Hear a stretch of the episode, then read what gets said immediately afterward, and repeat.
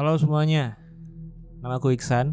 Balik lagi sama aku di podcast dengerin horor dengan episode terbaru se- setelah kurang lebih semingguan aku gak ada upload episode terbaru dan selama berminggu-minggu ini aku ada mikir buat merubah konsep podcast dengerin horor gitu.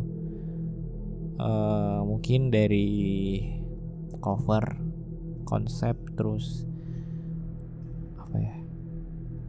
Nggak bisa aku jelasin sekarang tapi bakalan aku rubah aku improve gitu. Dan aku punya pertanyaan dan aku butuh pendapat dari teman-teman semuanya. Dan kalian boleh kasih pendapatnya. Jadi gini aku masih bingung sampai sekarang. Menurut kalian gimana nih menurut kalian host dari podcast dengerin horor ini baiknya ditambahin satu atau cuma aku doang gitu? Jadi ntar kalau setiap ada cerita baru yang bacain bukan aku doang. Ntar mungkin ada dua orang gitu. Jadi kayak dua orang bercerita ganti-gantian gitu. Mungkin itu sih yang aku pengen tanya pendapat ke kalian semua yang dengerin ini. Dan buat teman-teman yang pengen ngasih pendapatnya boleh banget. Sharing pendapatnya lewat DM di Instagram baca horor at baca horor atau di Twitter at baca horor sebenarnya saran dan pendapatnya nggak cuma tadi doang ya. Banyak sih.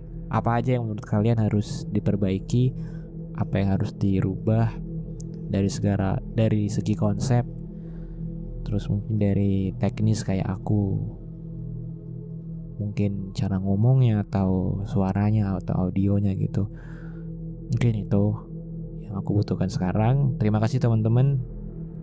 Dan terima kasih juga yang sudah nungguin episode-episode terbaru dari podcast dengerin horor oke terima kasih banyak.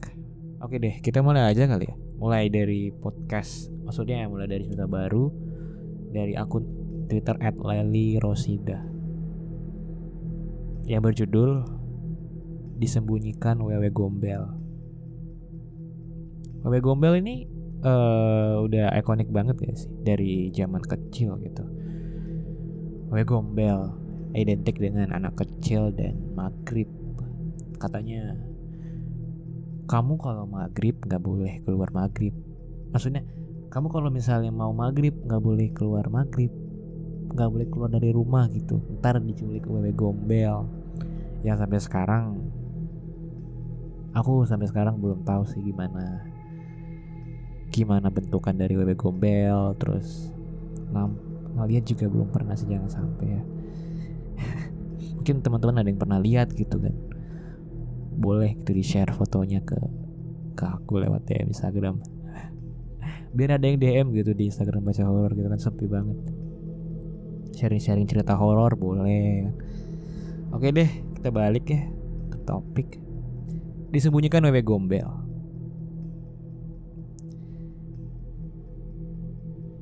Jadi gini ini adalah kisah waktu masih kecil. Ditinjau dari judulnya seperti yang kita ketahui cerita seperti ini sangatlah umum dan sering kali kita mendengarnya. Namun seseorang sudah sudi atau sudah bersedia untuk berbagi kisahnya dengan saya untuk diceritakan dalam bentuk cerpen. Sebut saja namanya Bang Mamat. Oke, Bang Mamat namanya nih. Nama samaran ya, tentunya nama samaran. Jadi ini adalah kisah Bang Mamat waktu masih kecil.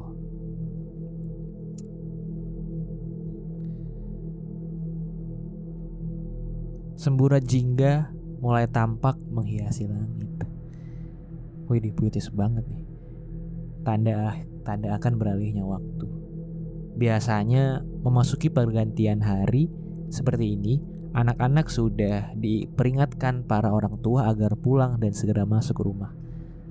Tak lupa untuk menutup pintu dan jendela. Sebab menurut kepercayaan leluhur, dunia gaib akan memulai aktivitasnya seperti halnya dunia manusia pada pagi hari. Mamat, bocah lelaki berusia 9 tahun, bergegas pulang dari lapangan bersama kawannya, Irul. Ketika mendapati lantunan syairan dari musola kampung yang mulai menggema bertalu-talu. Namun ia terlihat menggerinyit memegang perutnya sembari berjalan dengan langkah yang tertahan. Kayak megang perut gitu, kayak sakit perut gitu. Terus Irul nanya ke Mamat, "Kamu kenapa, Mat?" Penasaran dong melihat kawannya tertinggal beberapa langkah di belakangnya. Terus Mamatnya jawab, e, "Nggak tahu nih Rul, Tiba-tiba mules banget. Kamu duluan aja ya. Aku mau ke sungai. Terus Irul mengangguk, membiarkan sahabatnya berbelok arah menuju sungai di ujung barat kampung. Maklum, waktu itu desa mereka masih terpencil dan belum banyak rumah yang memiliki kamar mandi atau WC. Keluarga Mamat adalah salah satu dari sekian banyak rumah yang belum memiliki tempat buang hajat tersebut. Hal ini sudah biasa dan tak aneh, bahkan bisa dihitung dengan jari rumah yang sudah mempunyai kakus atau WC tadi. Hanya beberapa orang saja yang kaya dan terpandang yang yang mempunyai WC tadi. Sebab saat itu cara hidup mereka masih tradisional dan kolot. Langit sedikit menghitam ketika Mamat memandang ke atas. Ada siratan raut cemas di wajahnya. Mungkin takut dimarahi sang emak yang cerewetnya minta ampun, akan tetapi perutnya sudah tak bisa diajak kompromi. Ia mempercepat langkah agar bisa segera sampai di tujuan Pohon bambu berjajar di pinggir jalan menandakan ia akan segera sampai. Kisakan suara bambu yang berdecit membuat Mamat mengusap tengkuknya. Oh dia jadi ceritanya udah apa ya udah sesak boker ya sekbu apa udah sesak boker terus mana lah di sungai kali ya terus banyak pohon bambu yang bikin dia merinding gitu kan ada-ada aja malam-malam gitu maghrib ke sungai. Kemudian angin pun berdembus kencang menggerakkan deretan bambu itu seolah melambai akan menggapai Mamat. Ia terlihat bergidik berlari kecil menjauhi pepohonan rindang tersebut. Mamat membuang napas lega saat sampai di pinggir sungai. Tanpa menunggu, ia memasuki bilik kakus yang terbuat dari potongan bambu yang ditancapkan di dasar sungai. Di sekelilingnya ditutup dengan asbes yang tingginya hanya semeter. Ia segera berjongkok dan mengeluarkan isi perut yang sudah mendesak tak tertahan. Suasana gelap mulai menyelimuti. Lama-kelamaan terdengar suara azan maghrib bersahutan dari beberapa surau di mana-mana maghrib pada azan Mamat mengedarkan pandang ke sekitar. Rona wajahnya mulai menunjukkan ketakutan. Hanya sinar rembulan yang menjadi penerang saat itu. Jika saja diantar sama mamanya Ia nggak akan merasa gelisah seperti ini. Biasanya saat malam hari Mamanya Mamat akan mengantarnya dan menyorotkan lampu senter ke seluruh penjuru untuk menghindari hal-hal yang tidak diinginkan. Namun sayangnya kali ini dia sendiri, jadi dia mulai, jadi dia agak takut gitu. Maklum, desanya masih asri. Terkadang banyak binatang liar berkeliaran di pinggir-pinggir sungai. Masih banyak ular, biawak, bahkan buaya yang sering muncul mengagetkan warga. Seember air sudah tersedia di depannya untuk cebok. Setelah tuntas, ia mengambil gayung dan melakukan istinja. Buset, bahasanya ngeri banget bro istinja si istinja itu maksudnya cebok eh mencuci gitu maksudnya istinja Keadaan semakin mencekam saat suara burung malam dan jangkrik mulai bersahutan. Ia berdiri bersiap akan pulang, namun ia tercekat ketika melihat sebuah cahaya kuning berpendar dari bilik dari balik semak mulai mendekat. Berpendar tuh kayak apa sih? Kayak muncul kali ya. Ada cahaya kuning yang muncul dari balik semak mulai mendekati dia. Mulutnya menganga, tubuhnya bergetar tak karuan, tremor gitu.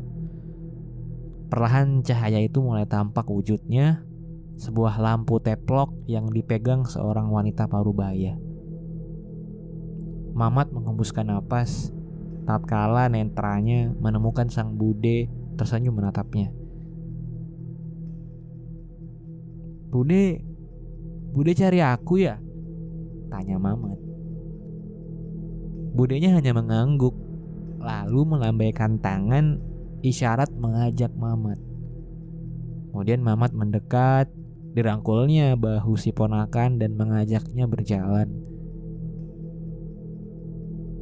Mamat mau ikut Bude? Tanya wanita berkebaya tadi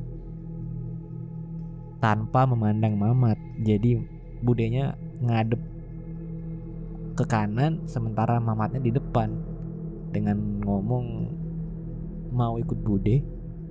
Ngeri banget anjir. Terus dijawab dong, ditanya sama Mamat, ke mana? Kalau dimarahi sama mama gimana? Polos ia bertanya dengan mengangkat kepala memandang wajah kakak kandung mamanya itu. Oh mama, oh bude ini mamanya anak apa kakaknya mamanya. Aku aku kira bude ya kayak bude stranger gitu. Maksudnya kayak bude-bude jamu atau bude apa gitu kan. Ternyata memang bude kandung gitu. Kakak dari mamanya. Makanya dia kayak percaya aja gitu. Mau ke mana kata dia. Kalau dimarahin mama gimana? Terus dijawab, dijawab dong sama budenya. Kita ke pasar. Mamat hanya menganggukkan kepala tanda setuju. Soal berpikir, tak apalah jika budenya yang mengajak.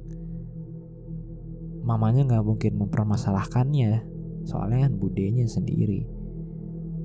Keduanya mungkin, keduanya kemudian berjalan melewati tepi sungai sambil bergandengan tangan Nampak kebingungan wajah Mamat tatkala memasuki sebuah pasar malam. Tempat itu begitu ramai, lalu lalang warga memenuhi jalanan, berbagai makanan dan kebutuhan hidup memenuhi lapak-lapak penjual. Ditambah suara alunan gamelan mendayu-dayu menambah riuh suasana. Tangannya masih setia memenggamit lengan sang bude ada sedikit siratan ketakutan dalam wajahnya Mamat ketika mendapati orang-orang dengan wajah pucat tanpa ekspresi. Hampir semua orang terlihat seperti itu di depan mata Mamat. Bahkan tak terdengar suara candaan ibu-ibu yang biasanya saling tawar-menawar soal harga dengan penjual seperti yang biasa dijumpai Mamat pada pasar-pasar tiap paginya. Terus Mamat nanya dong sama budenya. Nanyanya kayak gini. Bude, kok mama nggak pernah ngajak Mamat ke sini ya? Ini pasar baru. Terus budenya mengangguk. Kemudian mengajak Mamat buat ngantri di lapak penjual jajanan. Aroma harum, gurih, dan legit memenuhi rongga hidungnya. Terlihat dari caranya mengendus dan mengusap perut seakan tak sabar. Ia mulai sumringah, kesenangan gitu. Oh, aku bakalan dikasih jajanan nih. Pantas aja ternyata sejak siang tadi Mamat belum memasukkan makanan sedikit pun ke dalam perutnya. Jadi ceritanya lapar di ini. Dan malamnya baru mau dikasih jajanan. Ia seperti kalap saat sang bude mempersilahkannya memilih apa saja yang ia mau. Mulai dari es dawet, bihun goreng, dan juga beberapa kue basah yang masih mengepul menggiurkan. Belum lagi tambahan beberapa buah-buahan mewah yang hampir tak pernah ada di meja makan di rumahnya, seperti anggur, apel, juga kelengkeng kesukaannya. Saking kalapnya, kantong kreseknya Mamat penuh. Berjubel, Mamat sangat girang sebab selama ini ia tak pernah membeli makanan sebanyak itu. Status yatim yang disandangnya saat itu sejak berumur tiga tahun membuat mamanya selalu membatasi segala apa yang diinginkannya karena pekerjaan mamanya yang tak menentu. Kemudian Mamat diajak duduk di sebuah pelataran pendopo yang menampilkan pegelaran wayang orang. Mereka memilih duduk paling belakang di atas tikar bambu yang sudah digelar memanjang. Plastik jajan ditaruh budenya di depan Mamat tanpa menunggu arahan sang bude. Bocah itu sudah membuka dan melahap beberapa jajan yang sudah dibelinya. Sambil makan, sambil nonton, suara tokoh wayang wanita begitu merdu mengalun-alun menendangkan lagu Jawa. Mamat bukannya menikmati penampilan drama musikal di depannya, tetapi dia malah menikmati makanan yang jarang sekali ditemuinya di rumah. Tak hentinya ia mengunyah diselingi seruputan es dawet dalam bungkusan plastik dengan sedotan. Terdengar riuhan galak penonton membuat Mamat ikut terbahak. Entah dia tahu apa yang mereka tertawakan atau tidak, ia hanya terlihat berusaha ikut menikmati pertunjukan untuk menyenangkan budenya yang sudah mengajak. Padahal dia senang gara-gara makan jajan, bukan gara-gara nonton pegelaran wayang. Sementara itu, di rumah sederhana pinggir sawah, Bu Rimah mama dari Mamat mondar-mandir gelisah depan pelataran rumahnya. Waktu maghrib bahkan sudah hampir habis, tetapi belum juga terlihat batang hidung anak bungsunya itu. Berkali-kali ia melirik jam dinding di tembok ruang tamu sembari matanya awas memandangi jalanan depan rumah. Udin, kakaknya Mamat, datang dari musola dengan wajah mengerinyit melihat mamanya yang sedang cemas. Udin kemudian nanya ke mamanya. Mama kenapa? Kok kayak bingung gitu? Tanya Udin yang berumur 19 tahun kala itu. Kamu gak lihat adikmu tadi dilanggar sudah jam segini kok belum pulang? Terus Udin bergeming sebentar sembari mengeringitkan dahi seperti sedang memikirkan sesuatu. Tadi banyak sih, Ma. Anak-anak yang ikut jemaah seperti biasa. Tapi ya masa aku neliti banget apa ada mamat atau enggak. Jawab Udin. Kalau gitu, coba kamu tanya sama Irul dan teman-teman lainnya. Oh, surup-surup. Kok nggak kok nggak pulang gitu. Nanti kalau dibawa we gombel gimana? Maksudnya udah maghrib-maghrib kenapa belum pulang? Nanti kalau dibawa we gombel gimana gitu maksudnya. Mamanya semakin panik dan cemas Terus Udin menenangkan mamanya sambil ngomong, "Iya, iya. Mama tenang aja. Mungkin Mamat langsung berangkat ngaji ke rumah Abah Abdul. Udin pasti cari sampai ketemu. Mama masuk rumah dulu, terangkan pikiran." Terus Udin kemudian langsung menuju rumah Irul. Rumah Irul adalah tujuan pertamanya.